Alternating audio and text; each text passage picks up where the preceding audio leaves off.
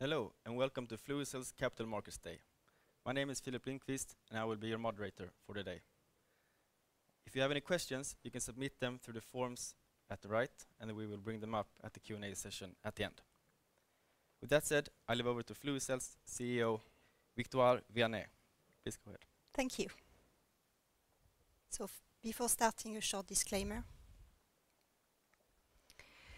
So good afternoon, everyone, and welcome to this Fluicell Capital Market Day 2023. My name is Victoire Viannay. I'm CEO at Fluicel AB. We will be online during two hours. Uh, we will do uh, several presentation. At the end of the presentation, there will be a Q&A session, uh, where you will have the possibility to ask question. For those who can't stay online during two hours, this session will be recorded, and uh, we are going to make the link available to you, and you will be also able to download this presentation. So I will kick off this Fluicell Capital Market Day with a statement. So at Fluicell, uh, we aim to bring the power of precision technology to the center of drug development and release the potential of regenerative medicine to transform medicine one cell at a time. And during this presentation, we are going to show you our path to meet this vision. So a quick look at the agenda of the day. After my presentation, I will pass uh, to uh, Dr. Nelson Koo. Uh, Nelson is the Chief Business Development and Sales Officer, and he will be presenting markets and trends. Then Dr. Gavin Jeffries, who is CTO, board member, and founder of Fluicell, will be talking about life science solutions. Dr. Tatiana Lobovkina, Chief Science Officer, will be presenting the regenerative medicine. Back to Gavin Jeffries, who will be presenting the tissue-based drug development models. Then I will have the privilege to do a summary and a takeaway before we start the Q&A session. So at Fluicell, we are targeting key future healthcare challenging, and we are working to provide solution to address these challenges. So we are working uh, for solution for tissue-related disease lacking adequate care option, which are causing more than 20 million deaths every year and are a major contributing factor to human suffering and increasing healthcare costs. We are also developing solution in drug development, where 90% of drug candidates fail to pass clinical trials. So there's really a urgent need for better predictive model and improve quick fail at early stage and decrease the pharmaceutical cost. So Fluicell response to those healthcare challenge is called a 3T, as in technology, tissue-based model, and therapeutics. I'm not going to develop here all these three area because I'm going to do it a little bit later in my presentation. But very shortly, the first is the research of technology. This is the area where Fluicell is the most known for. Uh, we have been starting as a tech company, where we are developing product within single-cell and bioprinting. The second T, the therapeutic product, we are uh, working on developing human tissue-based transplant for regenerative medicine. And finally, the third T, the tissue-based model, we are working to develop human tissue-based disease model for drug development. But let's go back a little bit uh, and look at the history of Fluicell. So Fluicell started in 2012 as a spin-off from Chalmers University of Technology based on one product area.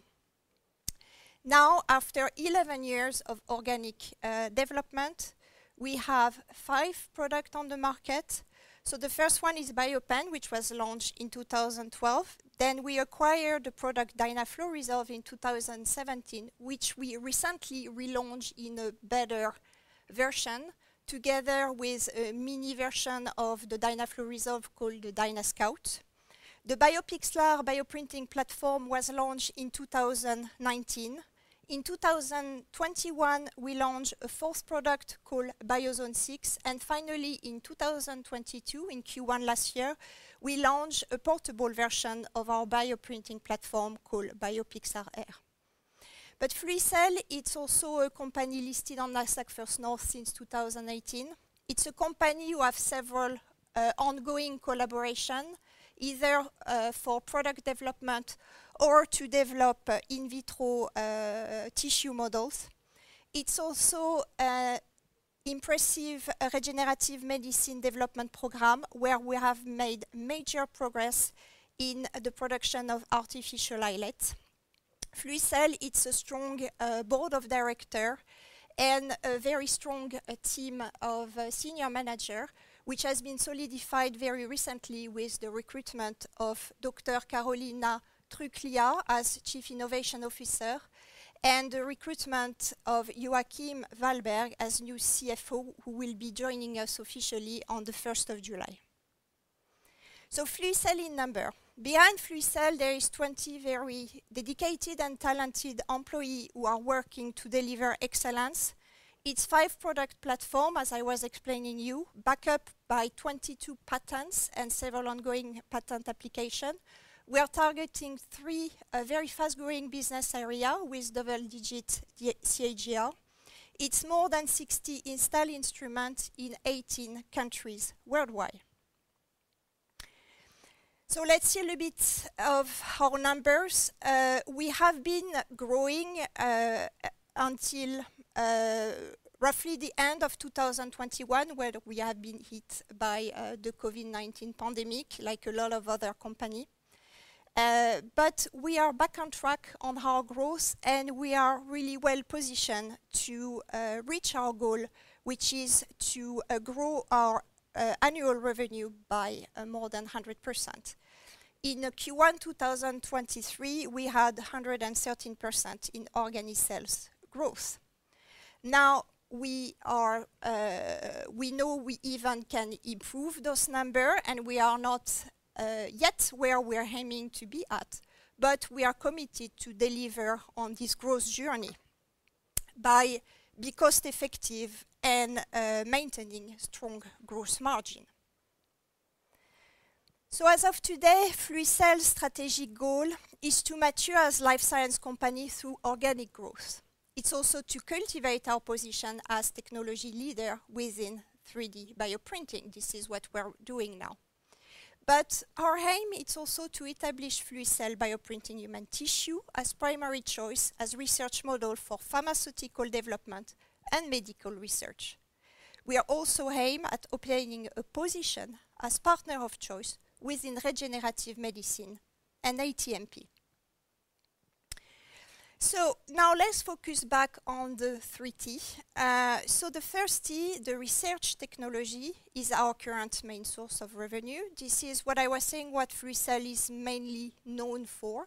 So we are developing uh, instruments for uh, drug development and biological research. Uh, all our development are within single cell and uh, bioprinting.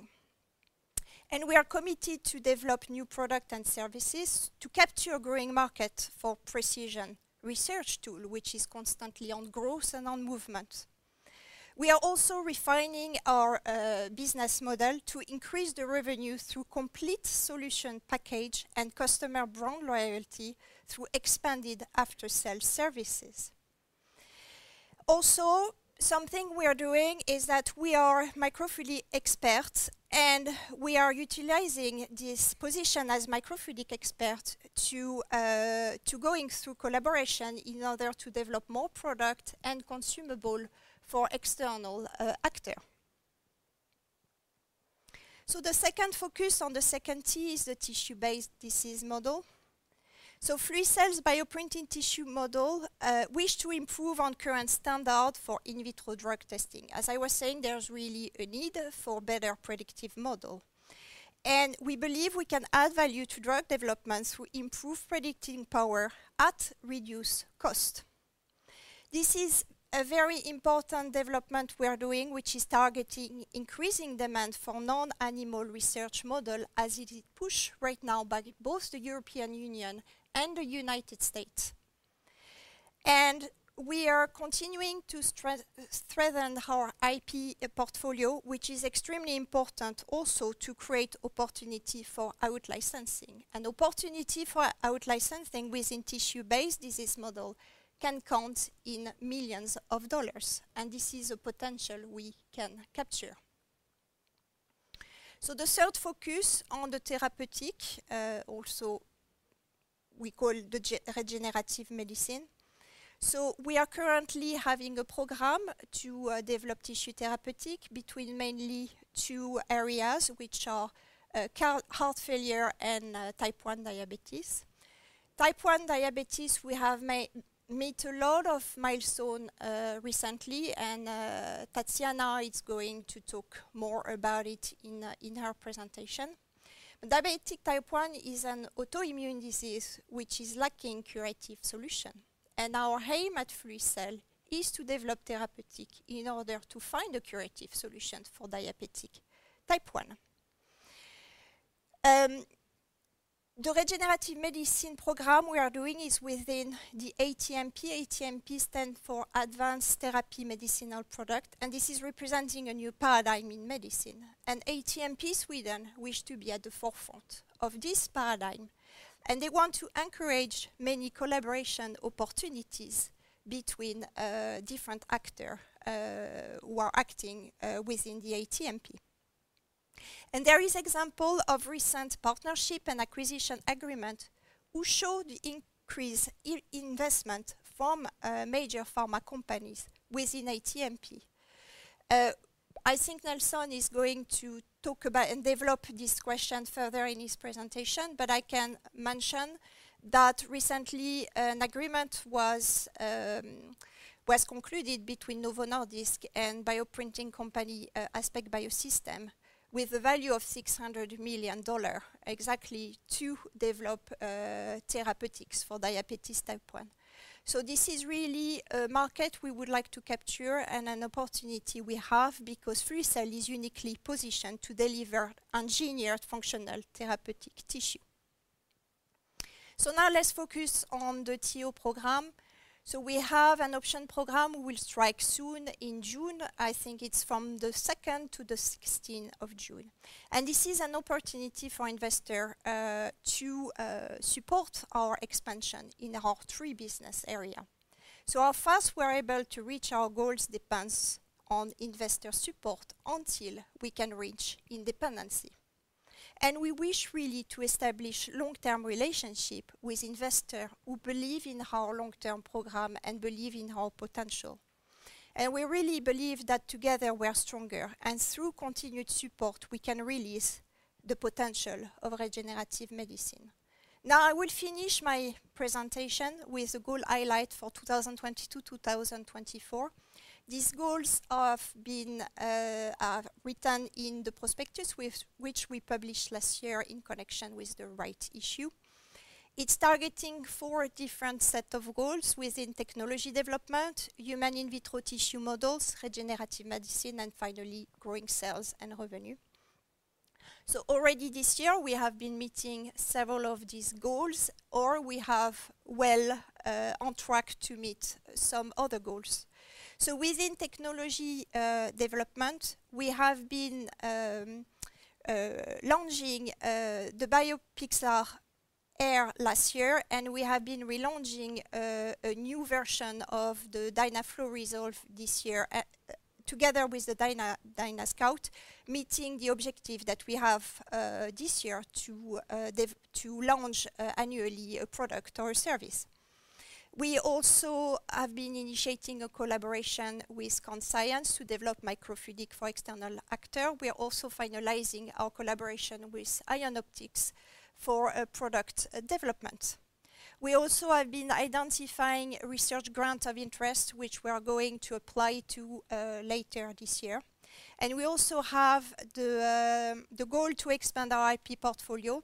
So Fluicell is a very innovative company, and from innovation, of course, come ideas uh, for new patents. So we have identified some of these ideas, and we are currently talking to our patent attorney in order to uh, file a new patent application, at least one. So within human and in vitro disease model, so this is something we do in collaboration. So we have signed a new uh, agreement with Roche to develop models for cardiovascular safety screening this new agreement will last te for 10, months. And uh, Gavin Jeffries and team has been uh, reaching the first milestone already. So then we have also an ongoing collaboration within the European Union grant uh, from Horizon 2020, which we call Birdie, which is to develop human renal models using the bioprinting technology and organ ownership technology together. So this is ongoing. And all this uh, ongoing uh, collaboration have the potential to lead to uh, some licensing agreements uh, next year, maybe around the end of next year. Then we have the regenerative uh, medicine program, uh, which right now we are developing uh, in, uh, in um, vitro uh, proof of concept with the goal to meet in vivo uh, preclinical studies in 2024 and we are well on track to achieve this goal. Finally, the growing sales and revenue. So as I was explaining, we're expected to continue growth and to meet at least 100% in uh, growth revenue uh, annually. And we are well on track also to achieve this.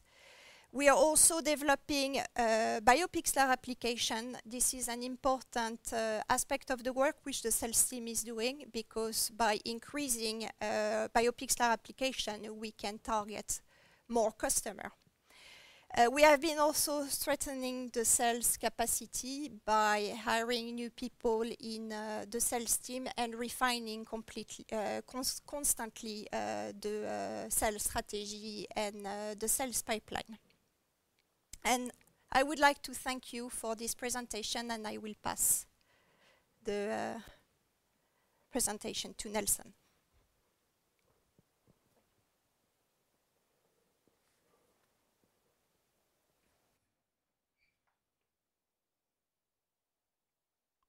Wait till you say I'm ready.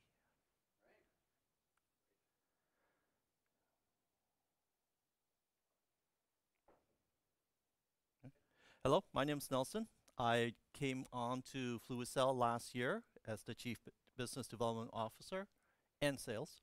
And during the last years, we've been looking at a couple things that's been kind of driving the market. And our, as a result, those trends are now giving us some of the leads that we need for sales. The trends are our population is aging across the world, and that trend is also fueling personalized medicine. Things that people can do that make their lives a lot easier or uh, treat a disease. The cost of uh, drug development uh, has been quite high, and that also propagates the healthcare costs. So the social economic uh, cost is quite uh, substantial for any government or any agencies that are trying to create health services for their community. The advancing specialization, those uh, people that are looking at how do we create a tissue or, or a replacement uh, tissue for the patient, also are becoming more increased in terms of their knowledge and the demands that they want. So that means that we need to kind of address those people in a way that makes sense for them. Um, the drivers across the, uh, the, the world is chronic disease without adequate treatments for diabetes, obesity, liver disease like NASH, neurological diseases, cancer, and cardiovascular diseases. And the development of precision medicine lets us do that. We can take a target cell and then look at what is malfunctioning and then create the change that we need for that.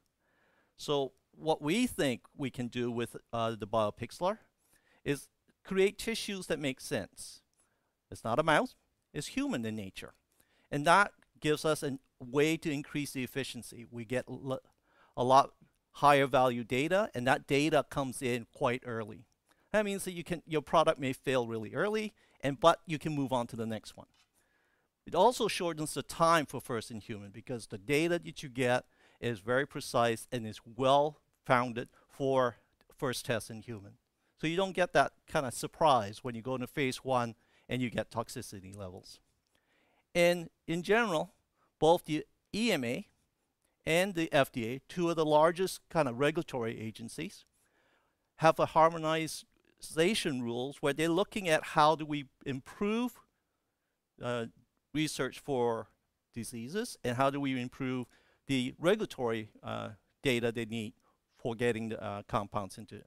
And that is now been followed by the FDA with the act to modernize where you don't need animal material only. So alternative uh, material is where we at Fluicell are good at. So some of the companies and universities we work with are at the top tier. They're the top universities around the world. They're the top companies around the world.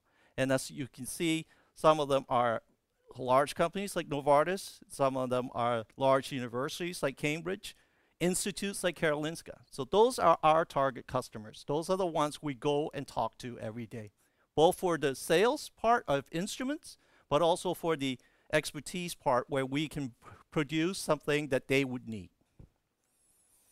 So going back to the three T areas that uh, Victoire Viannay had mentioned, we're developing the innovative products targeting growth markets. We're not looking for markets that are well addressed by other technology and, and lower uh, level technology that you can get really fast now. What we're looking at are research solutions based on our instruments and based on a unique uh, perspective on how we measure certain things.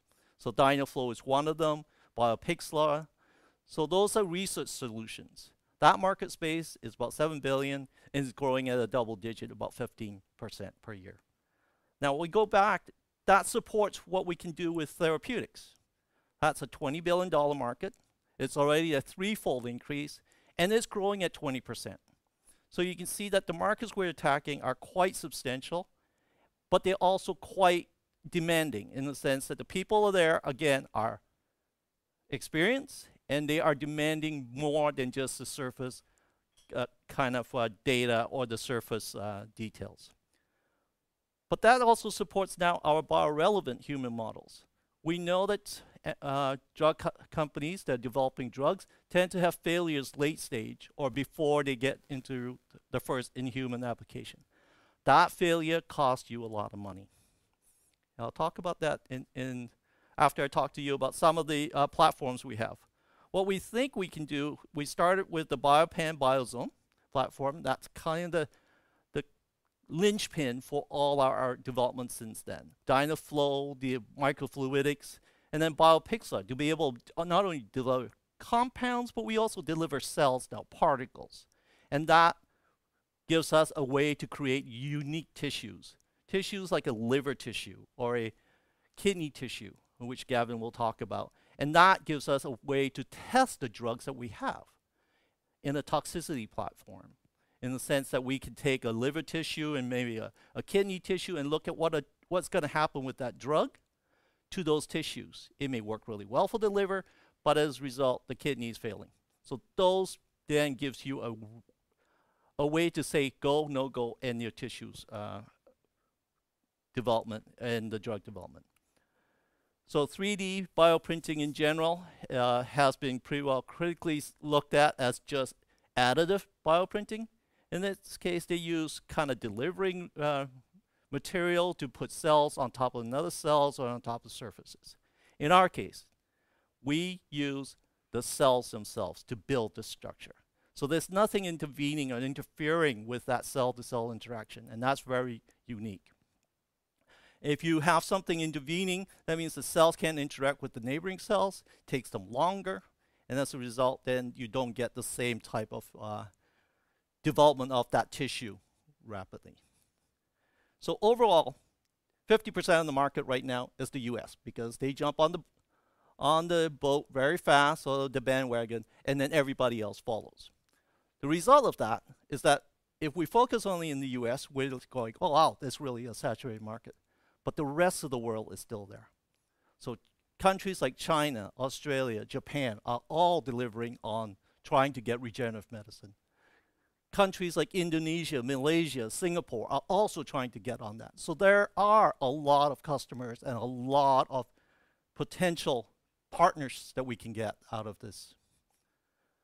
Um, so just go, go back a little bit about drug development. It's usually now priced around $2 billion to take a drug from its test tube in the lab to to the drug being used in a patient.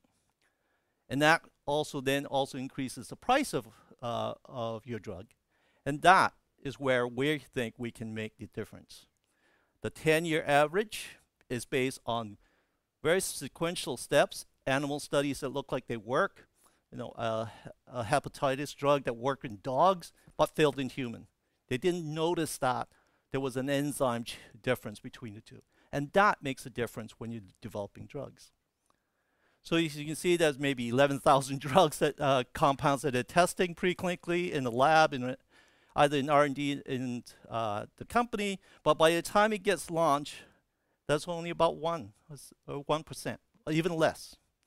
So you can see where all the drug failures are coming in, and where we need a better model, a model that mimics that that occurs in the human. So one of those things is the drug toxicity profile. So we need to figure out whether the drug is causing toxicity in the neurons, in the liver, in your skin, in your eye, and that can only be tested either in an animal, which is a poor proxy, or in humans, which is not allowed. So you need to use a, a surrogate tissue for that. In this case, what we at Fluicell can do is create those tissues so you make those tests. And those tissues can be of different organs. So essentially a human on the chip, eventually. So cardio, cardiac toxicity market is quite large. It was 18 billion in 2022. That was just last year. It's expected to grow to about 35 billion. And that is conservative. That's based on if things work th that are being predicted works well. If things work better, that numbers will really increase. So we think for example, if you're looking at just a um, electrical activity test, whether the channels are opening or, or closing, is essentially a gate, then that's already 35% of the market. But that test is not the only test that can be done. So we have a market space where we can enter as well. So using the Dynaflow, we can make those measurements.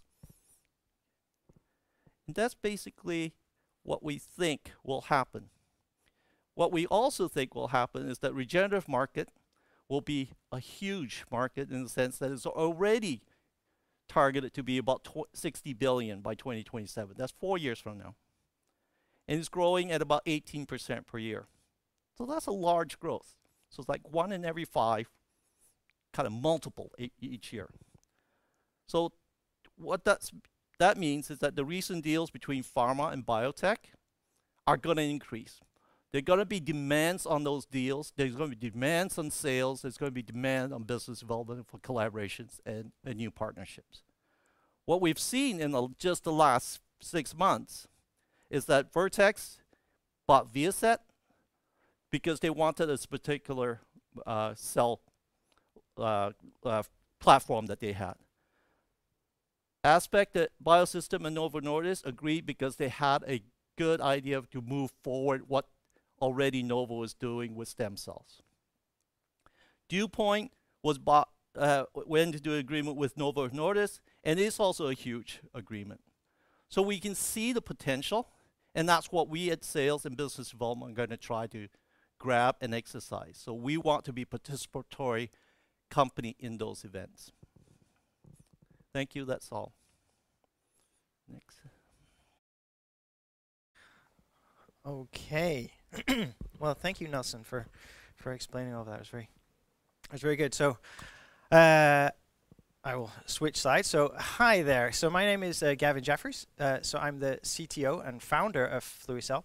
Um, uh, one of the things that uh, I get the opportunity to show you today is a, a, a little brief introduction to some of the technology that, that is actually behind all of these things that you've heard about.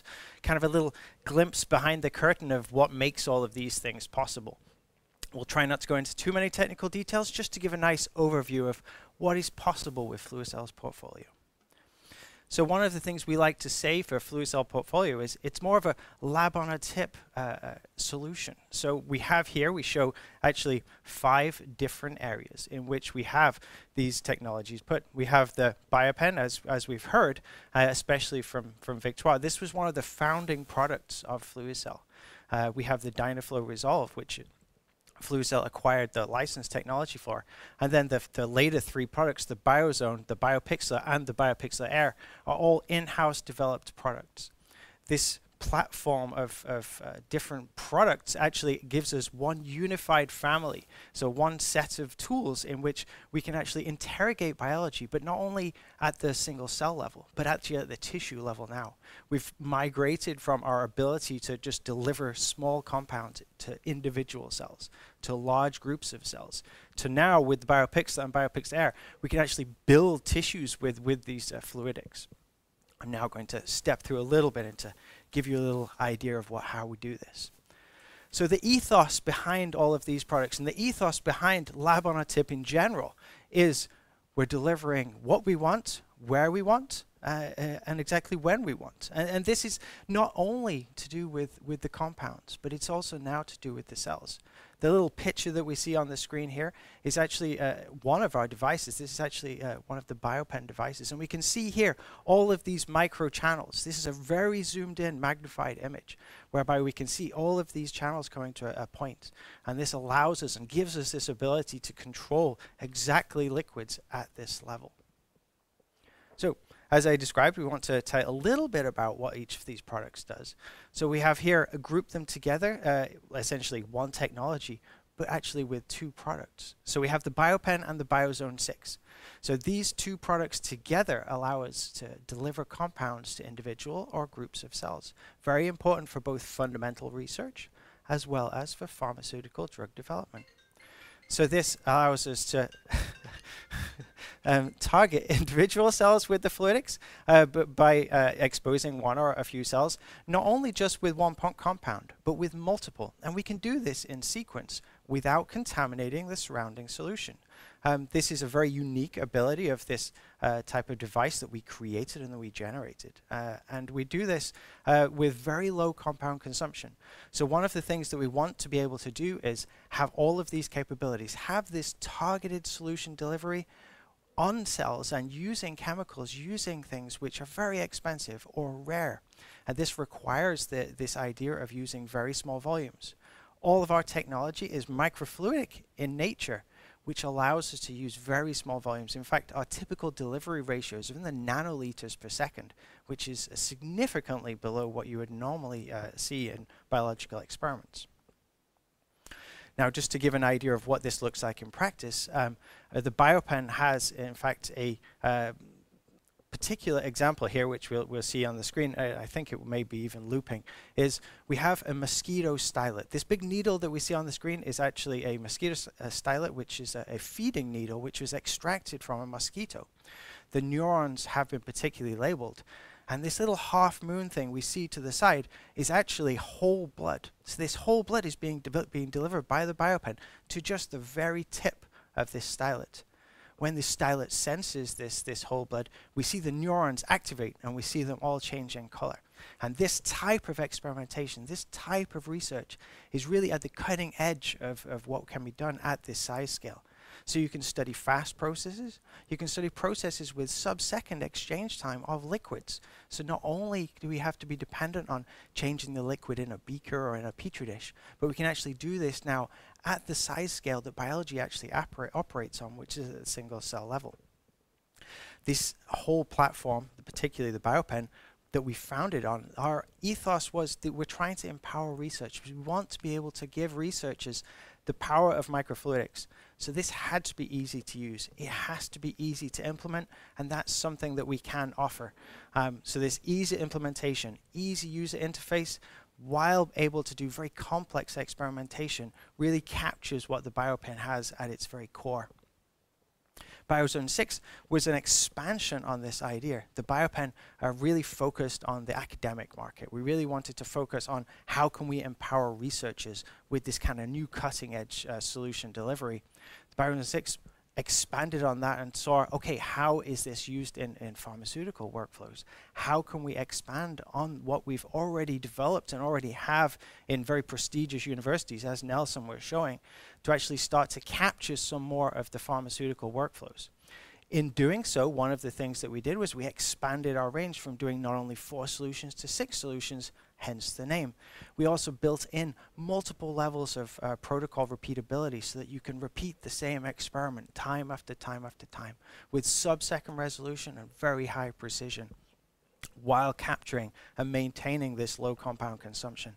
A lot of the pharma industry, particularly in the uh, discovery phases, uses very expensive or synthesized compounds which really demand very low, uh, low solution uh, uh, volumes to be used. Taking a little side step now. Um, uh, so we've heard a little bit on the BioPen, we've heard a little bit on the Biozone. Um, BioPixlar and BioPixlar Air I'm going to group together a little bit here because these are two platforms built using the same technology. So the BioPixlar Air, as Victoire was saying, was was a more portableized version, something that we designed to fit a little bit more into workflows where there's a restricted environment or where you need to have a very strict, very strong control over the environment, i.e. putting it in some sort of biosafety cabinet. So the BioPixlar and the BioPixlar Air essentially are uh, what we coin as a, a, leading bioprinting technology. We're the only technology which is able to use bioprinting with the cells in their native liquid environment. We don't use any sort of binding matrix. We don't use any sort of uh, templating structure. We print directly from cells into solution onto whatever substrate or surface that we is required for that particular application. Um, what this allows is this allows dynamic, interactive custom patterning of biological tissues. We can use a template from biology. We can, in fact, improve upon templates that biology has already given to us. So we can look at histology examples, uh, we can look at actual biopsies and things, and actually see how things have been developed and how can we uh, how can we replicate those those designs uh, in in tissue that we print as it's describing here, we do this always in our native uh, native cell media without any binding matrix. This is very important. I think Victoire was was also bringing this point to a, to a forefront uh, by mentioning we really need to uh, study biology with the cell-to-cell -cell interactions and the microenvironment intact. The only way that we can do this currently is to keep the cells in as native and exposed area as possible. So we, we really want to keep them in this liquid. Um, but also cellular structures are, are multi-cell types. So the BioPixlar is able to have multi-cell types printed into its, uh, uh, in loaded into its uh, printhead so we can use multiple cell types simultaneously within the same printing architecture. As we are a microfluidics company, our core uh, that has now developed and, and, and advanced into these more platform and tissue development fields, uh, we still have our microfluidics expertise at our core. We still have this understanding, knowledge, and know-how on how to handle liquids, and in this case, how do we handle um, uh, suspension. So cells suspended in a liquid have very, very uh, low volumes and at very low um, uh, flow speeds. So these low volumes and low flow speeds allow us to maintain our cell viability and use very small amounts of material, uh, which is particularly important when we start to consider personalized medicine as one of the application fields. I'll transition a little bit here to, to one of the uh, recent users of the instrument in that it's been really uh, starting to get uh, interest from the field as um, Dr. Carlos Mota, uh, who's from uh, Maastricht University, really points out is that what the BioPixlar can offer is one of the missing links which we've been seeing in the bioprinting space going forwards. Bioprinting is an amazing field. It's got many different moieties, many different ways of achieving uh, this uh, replication of biology. But one thing which up to the point of the BioPixlar coming out was uh, that the microenvironment wasn't really um, uh, at the focus, whereas we really try to have the microenvironment at its focus, which allows you to study these vital roles of cell-to-cell -cell communication and the cell-material interaction. Um, so what I've been describing so far uh, has a tendency to, to sound a little bit science fiction, a little bit kind of out there. So um, uh, sometimes it's nice to show a little bit on what it actually is. So here's a very simplified, here's a very simplified example on what we actually have here. So the uh, what I'm going to show is a very short clip on exactly how the BioPixlar does its printing. So I'll start this video, hopefully. Yeah, so here we have it. Um, so what we see here at the bottom of the screen is the printhead, and all these little spheres are actually the cells. So these are human skin cells. Uh, so we print this stripe. So once this is established, once you've got the desire that you want, the cell type was switched. Now we're implanting skin tumor cells into this model. So now we've got our stripe of, of skin cells, now some tumor cells. Now we're going to switch back to skin cells and we'll keep printing. Uh, what this real-time uh, uh, switching and real-time printing allows us to be able to do is have interaction with the sample. You can create uh, the uh, model that you want in real time. Um, uh, you can have programmed, the BioPixlar and the BioPixlar Air are designed to have a programmed interface. You can design your tissue uh, or you can directly interact actually with a little gamepad so that you can modify your tissues on the fly and you can increase your, your uh, user experience when you're generating these tissues so the BioPixlar, as I was mentioning, isn't on its own. It's there's a there's a large space for bioprinting. Bioprinting has many different technological bases. Here we just list just a few of the most common ones, being extrusion, where we're just uh, using gel, which is coming out of a nozzle, stereolithography, which is using light or lasers to project a pattern, inkjet printing, which forms droplets with cells in, and laser assisted, where you're actually using lasers to ablate a support matrix from a surface. And here, uh, and later on, I'm sure you can pause and see how all of these different parameters kind of lay out. But here we're really describing the capabilities and the differences between each of these approaches. Um, the BioPixlar really focuses, as you can probably see, on this idea of low stress, uh, on the printing resolution, small volumes, small sample usage, cell-to-cell -cell interactions. This is the core of what the BioPixlar is about, um, uh, and we can see that from this type of chart. Now, what this really uh, leads us to is our ability to make custom tissues. So, um, one of the things that we, we really have a focus on here at Fluicell is trying to replicate biology as close as we can. Uh, tissues, as have been said by both Victoire and Nelson, are be both being utilized now within pharmaceutical workflows all the way from the discovery side through uh, the advanced uh, uh, kind of more testing phases. Uh, and at Fluicell, we're able to actually regenerate some of these structures. So I have a couple of just very quick examples here, whereby we can generate complex assays specifically for tumor development, uh, both of these being liver tissue examples actually, where you can study cell-to-cell -cell interaction as well as their larger scale 3D makeup. Um, staying within this cancer field, we also have uh, uh, one of our particularly uh, strong collaborators at the Knight Institute uh, in, in Oregon, which is Dr. Luiz Bertassoni.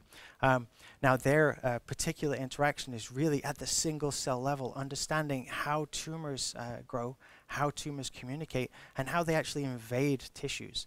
So one of the things they're using um, uh, this particular uh, technology for is very high precision single cell positioning every single tumor cell where they want it within this larger matrix. And they can do this with high speed and high reproducibility so that they can replicate it to the best of their ability and extract the maximum amount of data from their experimentation. And with that, I will thank you for the attention and hand over to my colleague, Tanya.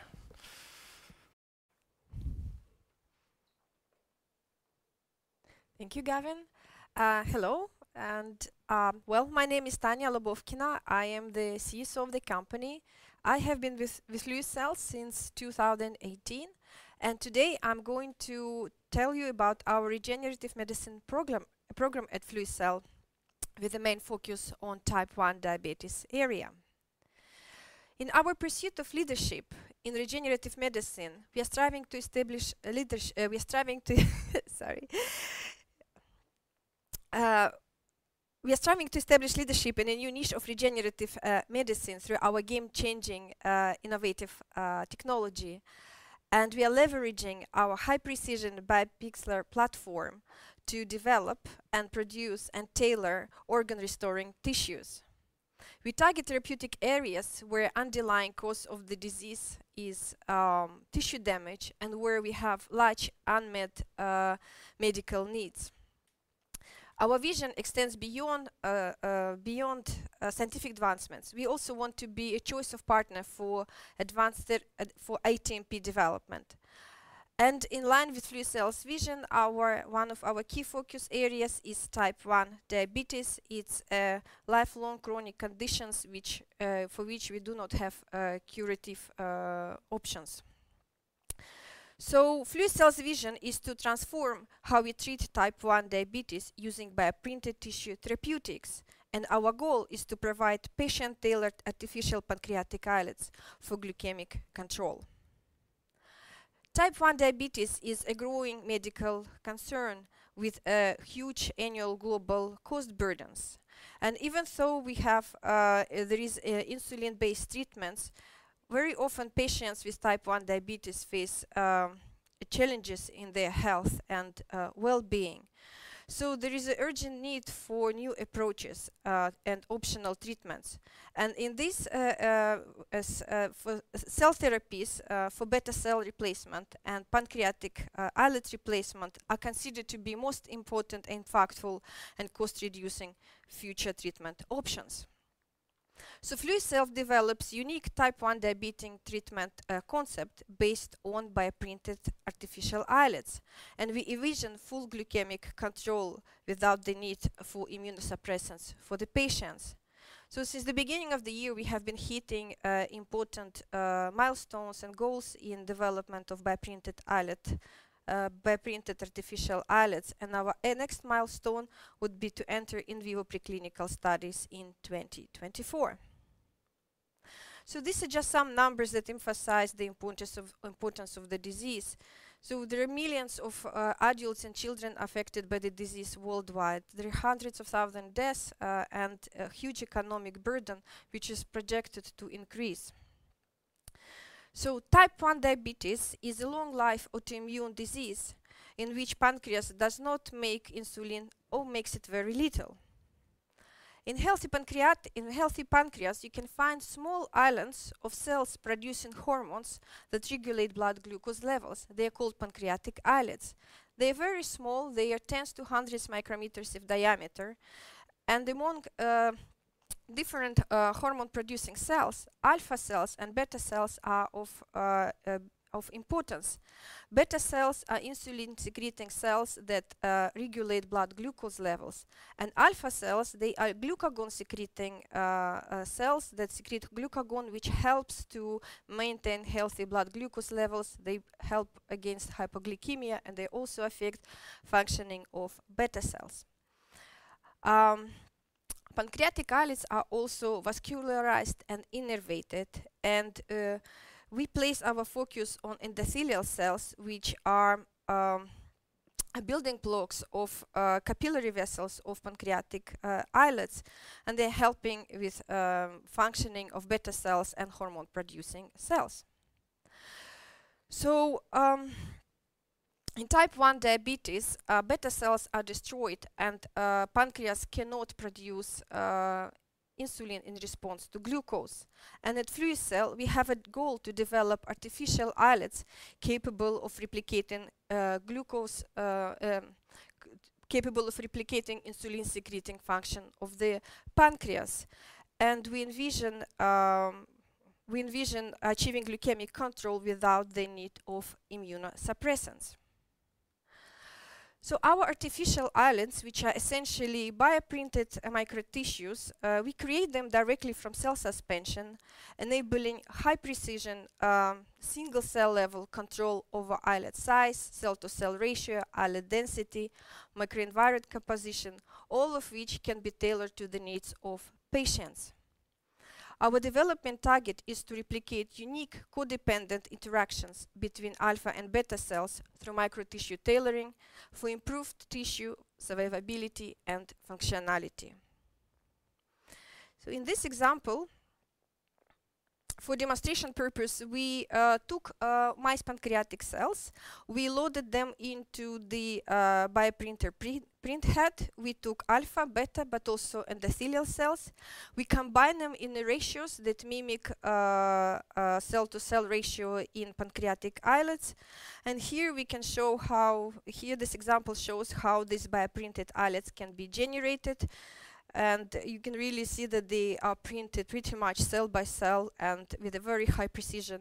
We can create uh, islets, we can create uh, arrays of such islets and this uh, the size of these islets is mimicking the size of native pancreatic islets.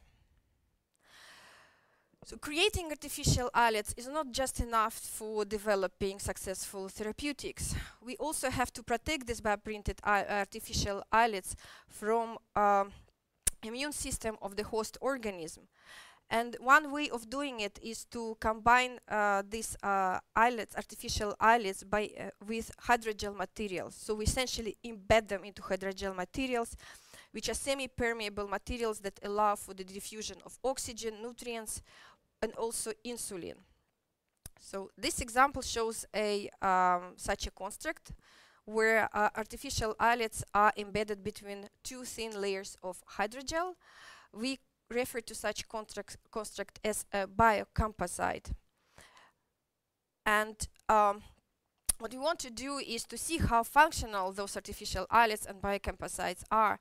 And why one way of doing it is to expose them to different glucose concentration and see whether they would uh, uh, secrete insulin in response to glucose in a manner similar uh, what, how it happens in native pancreatic islets. And yes, we can see that artificial islets are responsive to glucose stimulation by secreting uh, elevated uh, insulin. We also wanted to infer the viability of the islets and uh, what we did, we took fluorescent dye that can enter into the uh, live cells and we used these dyes, uh, we exposed islets to this dye on at uh, after one week after bioprinting and then we can see and in the image you can see it's green green clusters of cells they're alive and we are quite happy about it. We also recently discovered that uh, islets on the on uh, after three weeks of uh, grow of, of incubation and development they're also alive and that makes them very promising for future um, studies and uh, long-term investigations so now I would like to summarize and give you the key features of our artificial islets and biocomposites. They contain key and uh, essential cell types, alpha, beta, and also endothelial cells. Their size is similar to the size of native pancreatic islets. They respond to glucose stimulation. They are protected between uh, layers of hydrogel. They are functional over a prolonged period of time, at least for three weeks. They recently we have also showed that we can produce them in quantities that is sufficient for in vivo testing. And the last but not least, they are easy to release from the production site uh, with minimal post-processing. So with this, I would like to thank you for your attention and pass a word to my colleague. Gavin? Thank you, Tanya.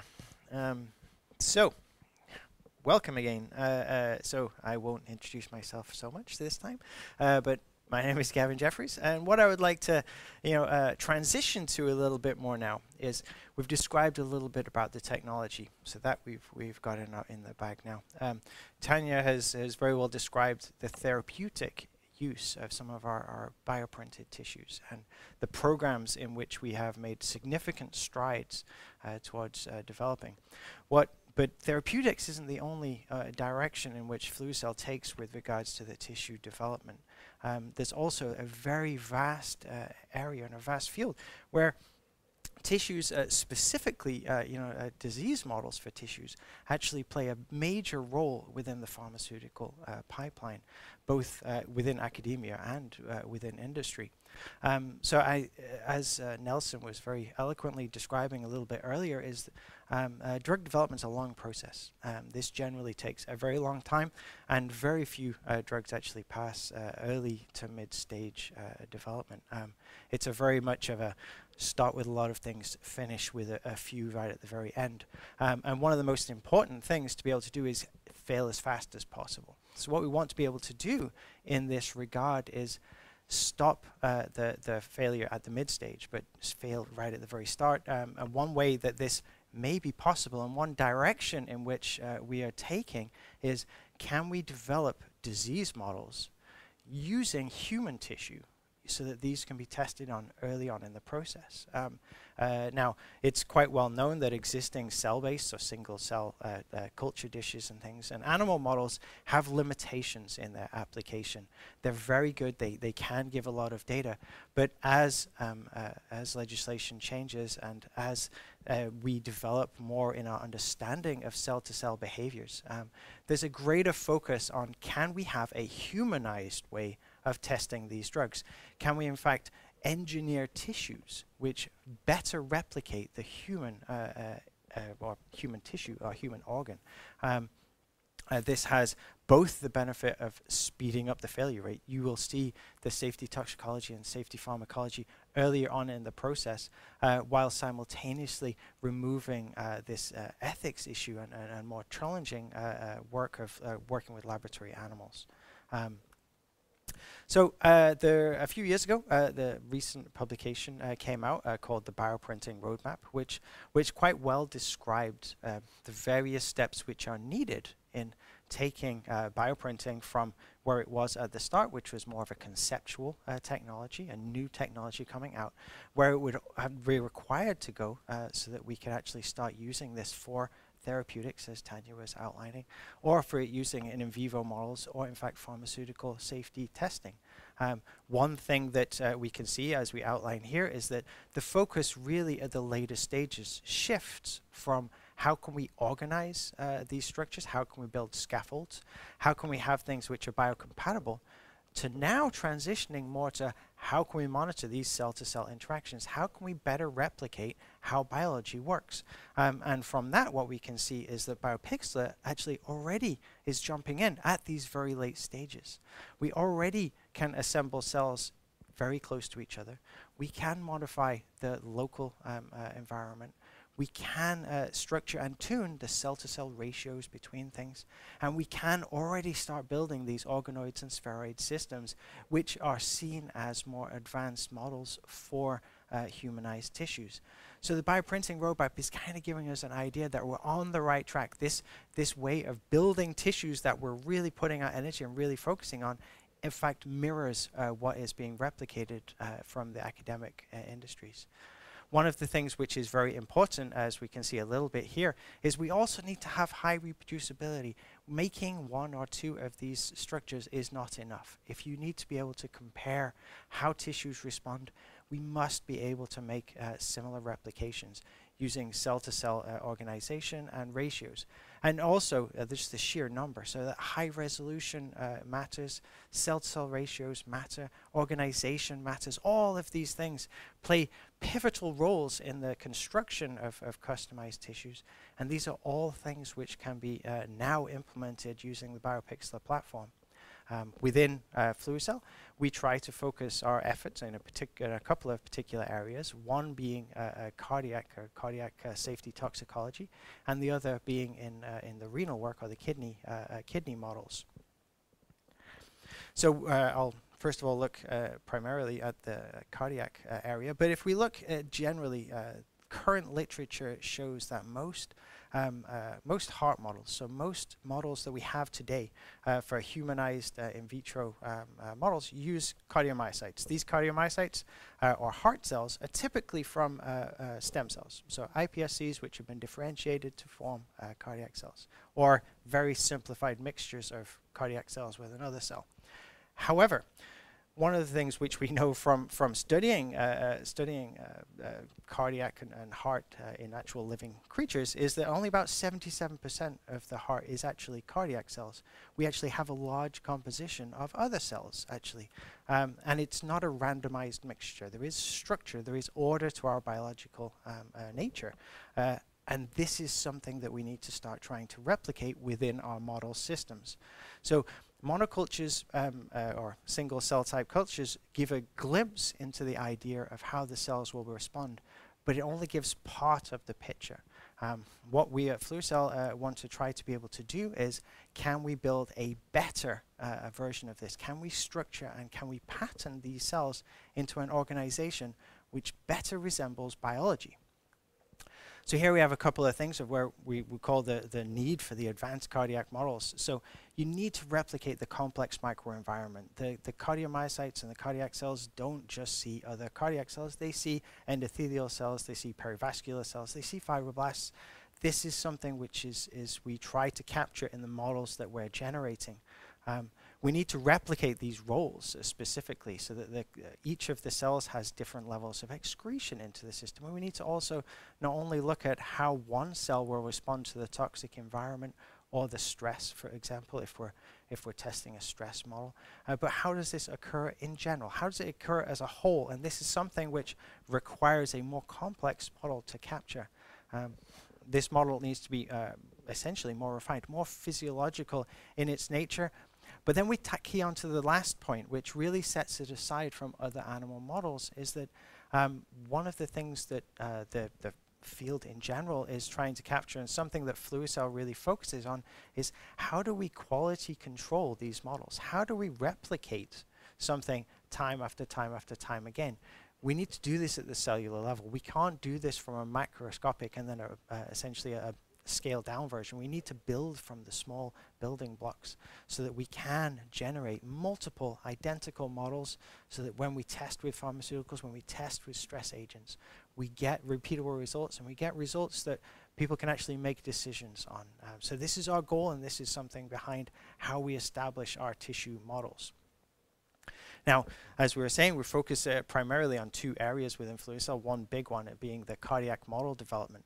Um, but what one of the biggest areas that we're trying to um, uh, develop tissues specifically for is for safety toxicology. So if we look at the vast majority of pharmaceuticals which go on the market, these all have to be tested in different different ways. But one key way that they have to be tested, one important way, is to make sure it doesn't hurt other things. And one of the organs which it has to be tested against is the heart. It's very important that whatever you're doing needs to be tested against the heart.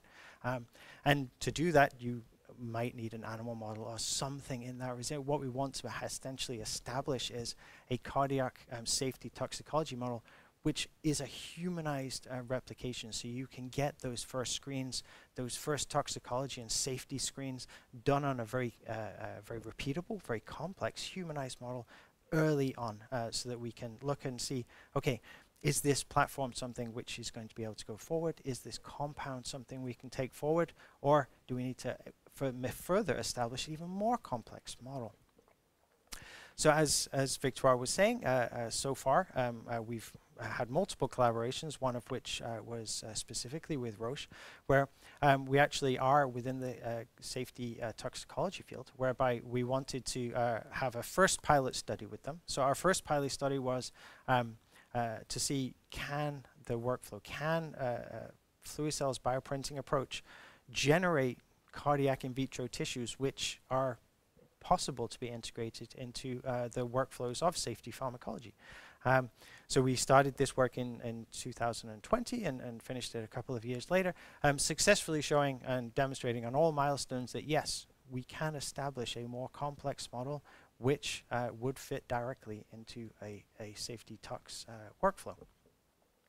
Uh, this year, uh, we actually initiated a follow-up study to actually take this to the next level, where we actually investigate the feasibility of having these printed tissues into existing workflows. Pharmaceutical companies, like all large uh, companies, have established workflows, and what we want to be able to do is add and not replace. We want to be able to have take our role, take our place within these workflows without people needing to make all of these additional changes to try to fit into your workflow. We want to adapt to fit into theirs. Um, so the current feasibility is to see can we now develop tissues not only to replicate the, the cardiac function, but to do this in a way which actually will fit directly into their pipeline. So this can be seen as a viable replacement for the current technologies which are used. Um, just to give an idea uh, of the numbers associated with this um, uh, and, and to give a, a bit of a, a scope, um, uh, one of the things that we're aiming uh, to look at is not only the safety screening services that, that Nelson was, was talking about with these very large growth areas and, and large price tags, but also within the toxicology screening. Um, as I was alluding to, a lot of the compounds which are generated, as they should be, have to be tested against human uh, tissues, human organs, one of the critical ones being the heart. And this is a very large area in which we, we aim to be able to generate tissues and licenses so that other people can use uh, these advanced models that we generate.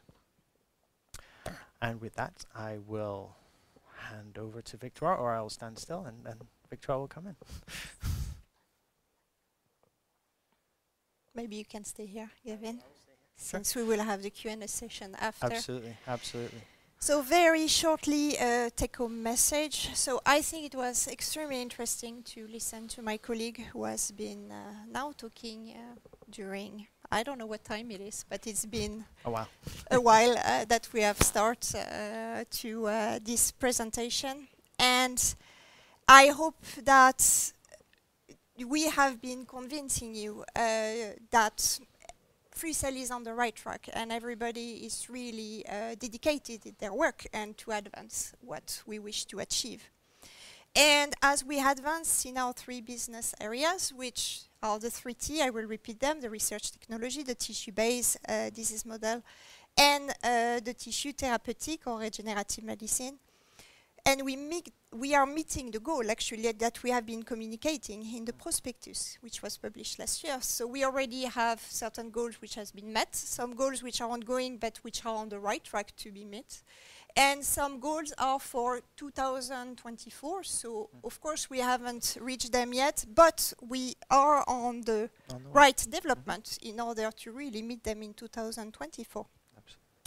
And all this area represent rapidly growing market, and this uh, Nelson has been uh, talking a lot about the market potential, where Fluicell has the ability to deliver a key advantage and make really a societal impact. And some of the important advances we have planned uh, for this year are expected to give result, as I was saying, in 2024. Mm -hmm. And we are going, I think, to start now the Q&A session. Mm -hmm. um, and Tanya is going to join us for the Q&A session. She is. Yeah. We can go like this. Thank you. Dun, dun, dun. Would Thank you for that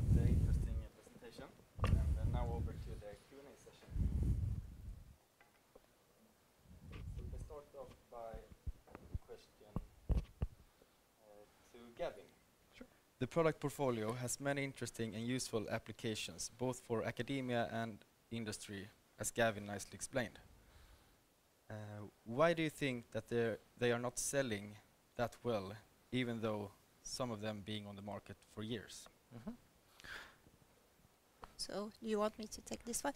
So it's true that some uh, some has been on the market for years. It's a case for uh, BioPen, for example. Uh, regarding BioPixlar, it's not that long. Uh, we we launched it in November 2019, just before the global pandemic. Mm. So, which has been a little bit raising all the uh, the efforts uh, which we were willing to make in order to to uh, to uh, to show to showcase uh, the BioPixlar.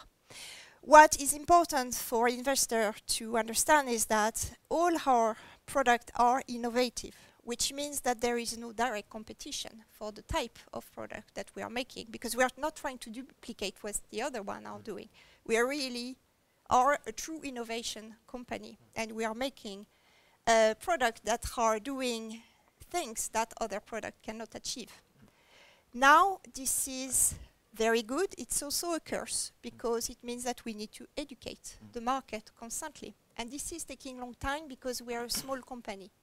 But this work is being done systematically, uh, thanks partially to the sales team who is really doing a great work at uh, going to conferences and, uh, and, uh, and, and, uh, and showing uh, the capability of our instrument. And we are really see that the uh, brand awareness for Fluicell and our instrument is increasing yep. year after year, and we are really believe that we really have a potential to sell actually a lot of instrument, which maybe hasn't been realized yet. No. But it's really due to the fact that we need to educate the market and sometimes go also against uh, um, marketing. yeah, just um, common belief. Um, or common beliefs, exactly. Uh, I mean, I think that's well capturing capturing the general idea in that it's um, uh, we have technologies as as I think people might have grasped during some of the presentation in that. Um, this is a little bit counterintuitive. You can actually work at the same size scale as biology. We're very used to working at our size scale. Um, and people are very used to how a typical lab has its uh, workflows what we are presenting is tools for improving that so much that it's kind of not really understood and accepted, so we do have to educate. But I would say in the last year, particularly after you know after the COVID thing, um, we do get a lot more um, direct questions from from people and, and more interactions from uh, from people that Yeah. are wanting collaborations and partners and things like that, um, uh, and equally from customers which are, are, are like looking at oh this is something which we've never been able to do before. Um, the actual example that I showed um, uh, was uh, from Rockefeller University, and, and they were working on this particular project um, for malaria. They were studying malaria. And they worked on this project for multiple years. I, I think almost the entire PhD study of the student that was on it. Um, and then as soon as they kind of saw our technology, like, but this is this is what I've been trying to do for years. Why don't we know about this? And this is kind of part of this this Uh, answering to the questions. It's taking time for us to you know educate people to the level of knowing it's there, which is why both Tanya and and the the research team you know have this ongoing like we've got to get publications out. We need to get this this better spread, and and also we get to show some of our amazing discoveries and amazing work you know just through our website to show with white papers with application notes to better spread this word to spread this understanding. And I think this is going to be the key once people believe this is truly possible and it's really some Yeah. a capability that that they can have that it will start this penny will drop and they'll be uh, oh okay then i can move forward and um, and actually as nelson was showing we only have the top tier universities in our portfolio Exactly, that's what I was about to Yeah. say, and there's a reason why we Yeah. have been uh, its key opinion leader Yeah. has been adopting our instruments is because they had an understanding uh, about what they could use them for actually.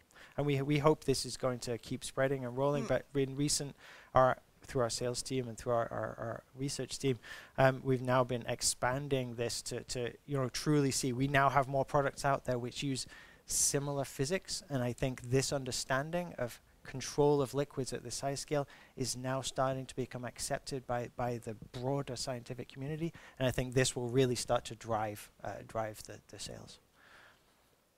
Yes, thank you. And to the next question. Uh, in what way is your approach to make uh, Langerhans islets different and or better than Aspect Biosystems approach? Considering Aspect has already completed in vivo point of care uh, or POC, they have a substantial head start of approximately two years. Yes, that's a good question. Thank you. Well, first of all, we make artificial islets. We literally can choose what cells they will, which which cells will constitute artificial islets in what proportion, and then we literally print cell by cell, making an islet, and then we embed them in hydrogel layers. To my knowledge, uh, what Aspect does, they are using already pre-made islets Mhm. that are loaded into the uh, bioink or scaffolding material. And uh, it's even though we are aiming at tackling type 1 diabetes, these are rather two different approaches. And I just can tell that I mean the the the ability to manipulate cells with this high precision and literally uh, create uh, high precision islets that would allow us to um, avoid, for example, islet to islet variations known for um, it's a known problem in transplantation of islets. So it would uh, allow us to create um, consistent and precise islets for uh, tackling the disease. So we're making them. Okay, interesting. But it, uh, if I can just add add a little bit onto to the end of that is uh, uh, uh, everything Tanya's saying is right on the money. Um, but also, um, uh, if we use uh, um, only uh, use uh, islets which have been preformed, um, we kind of get a little bit back to this issue of requiring donors. Um, uh, to to have pre-made islets, we generally need to have donors for the material to then put into the when you're building them yourself, you can do it from the base principles. You can do it from the basic components um, to actually build them. Um, this also uh, has this idea what Tanya has been able to demonstrate and what the research uh, uh, guys have been able to show really well is the composition uh, can be varied. Um, uh, we, as humans uh, at different part stages of life and everything else, have uh, different needs at different times. Um, so having just one islet state uh, may not be ideal. There may be times when you need more insulin versus glucagon. There may be different uh, sizes, different maturities that are required.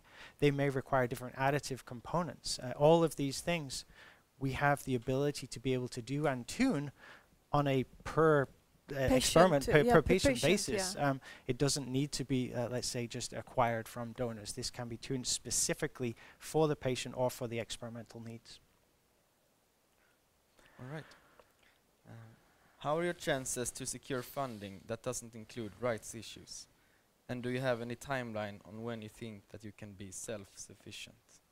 But our chances to secure funding, which is not through capitalization, through okay, uh, we have actually a good. I mean, if we have been listening to uh, to all the presentation, we have been explaining that there is really opportunities which we want to capture, and this is something we are working on. We want to uh, sign partnership or collaboration in order to be funded to continue uh, this uh, development of either the therapeutic development or uh, to uh, to have license agreements in order to be able to continue uh, the work on uh, tissue uh, models. And this is certainly a way of getting funded. Of course, it's also through the sales of instruments. That's a second uh, possibility uh, to get uh, revenue. And as we were explaining, we are diversifying constantly our uh, our product offering uh, to be able to uh, increase our different source of revenue in uh, in the company. And of course, our goal is at some points to reach independency. And it's hard to tell when that point comes. It's hard to tell. We know how much we need in revenue per month in order to achieve break-even. This is something that we know of. Uh, and to tell you exactly when this will be happening, that I cannot promise anything, of course, to the investor.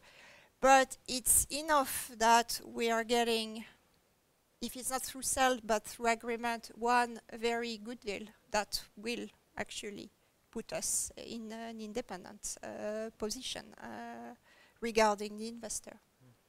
Yeah, because just to build on it, I mean, we are, Vic- as Victoire showed at the start of the presentation, and people can, can check, is that we're actually a very small company. Yes. Uh, we're, we're not a, um, if we look at a lot of the competitors, if we look at Aspects, which was raised earlier, I mean, a lot of these other companies are not two or three times, but they're five to ten, Ten times, times. you know, our size. Um, Mm. uh, so that has uh, effect on our, our, our, let's say, ability to um, uh, have a broader portfolio of things but it also means that our we can control our financing a little bit easier and a little bit more um, uh, agile, let's say, um, so that I think one sizable uh, deal pretty much uh, secures us for a long period. No, exactly.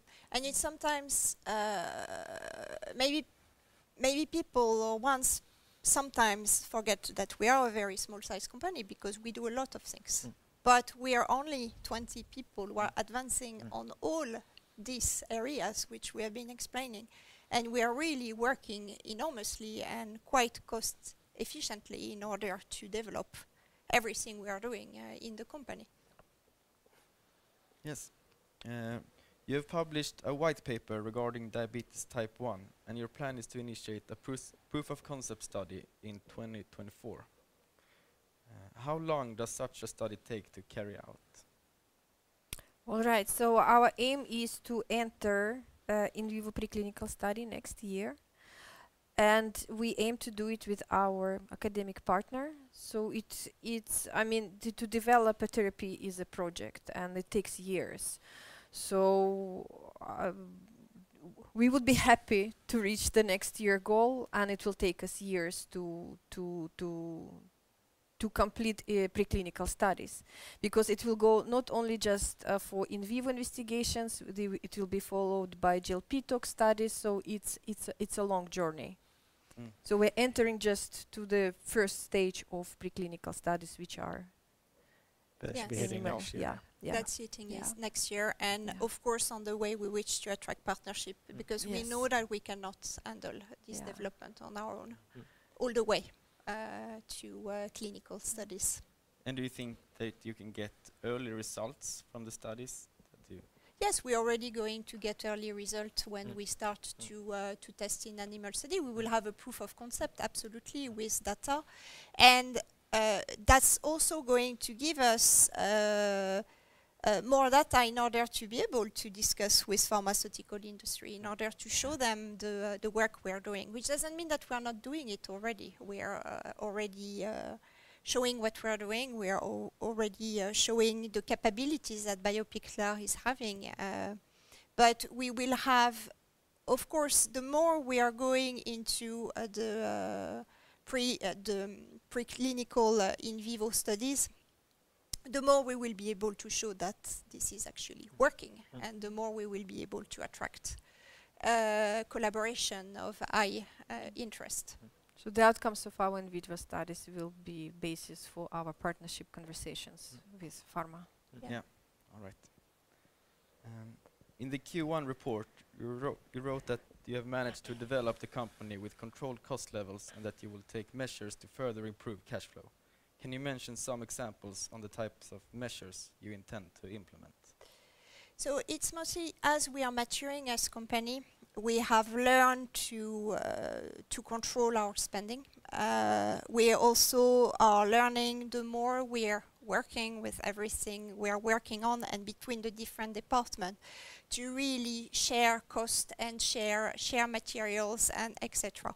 We are really a company who I mean, we, we, we, are extremely thankful from the investor who invest into the company, who believe in our project, and we are really a company who take the spending on this money at heart, and we are always very careful in what we're doing. We are careful in selecting the conferences of interest. We are not trying to over, over travel, overdoing things. At the same time, we are over delivering with uh, with the the kind of cost-effective uh, spending uh, which we have. And we have a new CFO who is going to join us in uh, on the 1st of July. I've already have been uh, talking to him, and this is going to be one of his mandates is to continue to identify where we can continue to be uh, cost-saving, and at the same time, going uh, being able to deliver all the promise we wish to deliver. Um, and question about um, insider ownerships. Uh, we received uh, a few questions on that. Uh, what are your comments on the alleged uh, low insider ownership in the company? So that's indeed uh, a question that we are getting constantly and which we are trying to address all the time. We are getting this this this question and so every all the senior management and the board of director, the one who can, because I have to, to, to say that we have, for example, two board members who are not owning shares. It's not because by choice, it's because they cannot. One, it's because of being a lawyer in a company he, well, he, he, he, he, cannot. And the other one is being in the US uh, he had shares and he had to sell everything because there was no possibility to uh, keep on his share in Sweden for him, which is a very, um, I mean, a situation of BankID and personnummer. So I'm not going to go into details. But basically, all the board members and uh, the senior management have been participi participating to every round we all have been uh, putting our money into the company, maybe not as much as what the uh, shareholders would like to see. On a personal note, my husband and I, we have been investing several million in the company. So on our hand, we have the impression that we are uh, participating uh, when it's required for us to participate, which is a, uh, a way uh, for us to show also that we support the company.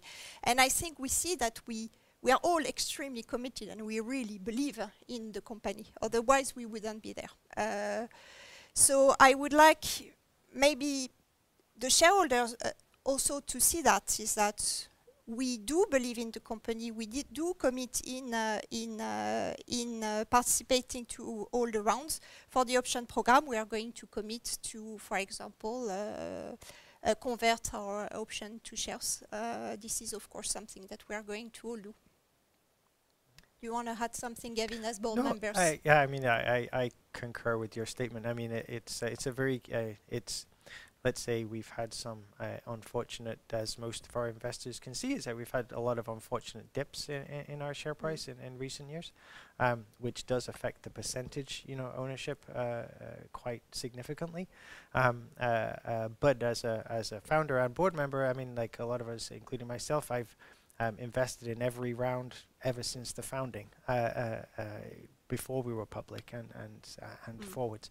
So um, it's uh, I think the uh, the unfortunate nature of our stock price being so low has made our our um, percentage ownership dwindle. Um, but it's not the belief and it's not the let's say passion for continuity.